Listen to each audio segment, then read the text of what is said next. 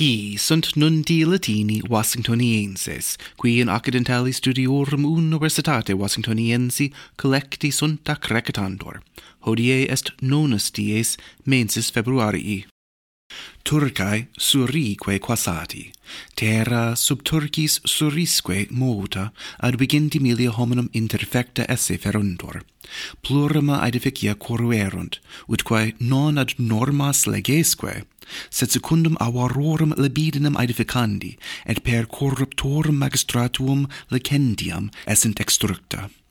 Numerari non possunt superstites, qui nunc privati domis, hie mali frigere afficiuntur, neque illis satisceleriter possunt magistratus aquam, cibum, lodices superitare quivistam in opidis, etiam sub ruinis abruti sunt vigiles ipsi, unde qui solebant alio servare, nunc semet ipsos servare non posunt.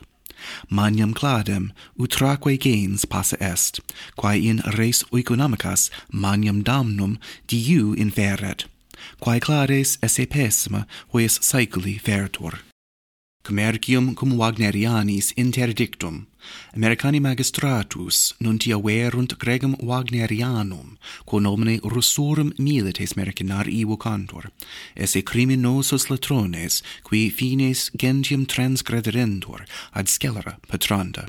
Sencitur porro, ne quis commercium cum illis habiat, neve cum aliis gregi sociatis. Dux latronum Eugenius Prigozhin, larmiri Putini amicus, qui et Putini Archimagirus vocatator, iam antia sanctione erat interdictus. Wagneriani feruntur ad quinquaginta milia latronum habere in Ucraina, quorum decem milia sint latrones voluntarii, quadraginta autem milia sint homines aiudicibus damnati, inque vincula ducti, qui pro promissa libertate pugnent. Wagneriani porro tam in Ukraina, quam in variis Africae terris, ius cum belli tum gentium uelavisse et injuriam civibus indulisse referundur.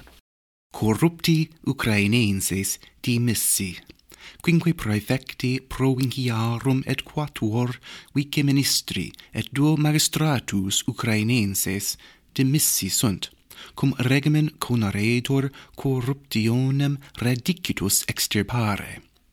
Nam socii amicique qui immensa pecuniae armorumque largitione volunt Ucrainorum libertatem contra Russos defendere vere bandur ne illa donna in manus avarorum devenirent magistratus vero instrumenta ad vim electricam generandam et elementa militum pretis longe auctis pro privatis donis e misse videntur.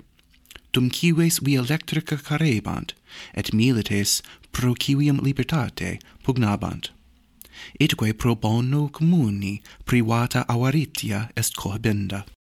De Turcis et Suetis, mevlutis chevusculo, Turcarum minister rebus externis, dixit irritum esse, cum Suetis finisque colloqui, de illis gentibus in societatem Atlanticam asciscendis nam holmiae ante sedem turcarum legationis, civis suetus in re publica versatus et faltor extremarum partium dexterarum, coranum, sacras Mohammedanorum scripturas, modo combuserat, et alii reclamatores hebdomade priore effigiam praesidis turcarum de lampade tam compatibulo suspenderant.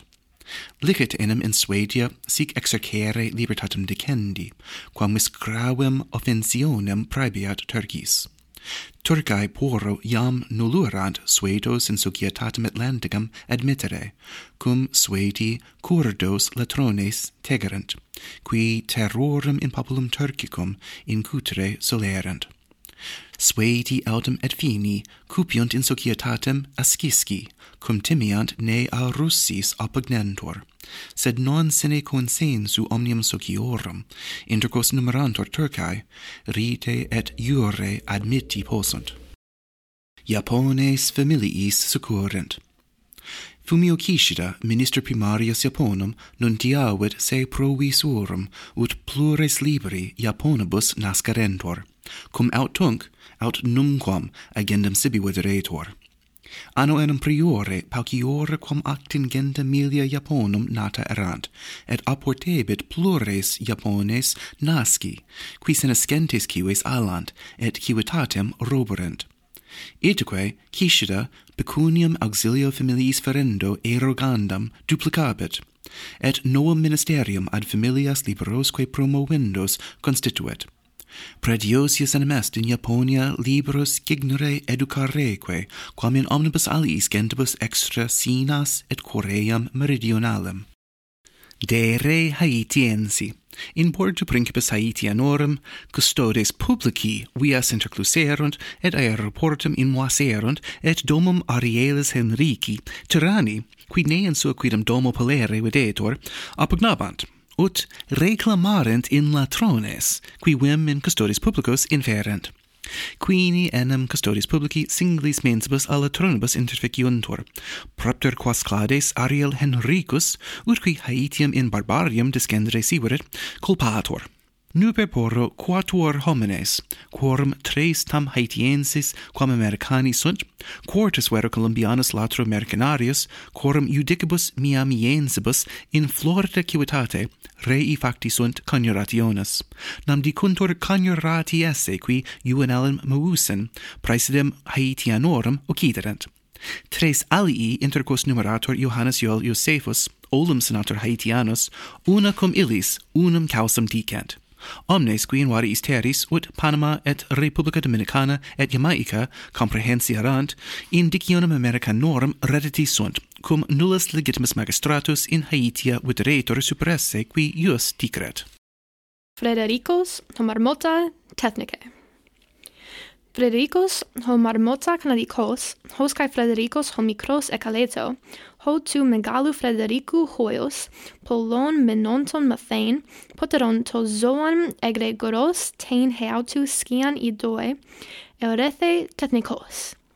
Marmota gar esti zoan micron kai americanicon ohupo geis kematze kai nomitatai te dutera tu februariu egregorenai kai oikathan exion to skian heautu horan prosemainen kata teratoscopuske ete ear taku ete bradeos pros canadan epanesin. Federico de uc egregorotos alatatnecotos en amphibolo esti, potaron ear episympute pros canadan. Quibus dictis gratias auscultatoribus agimus curate ut bene valiatus.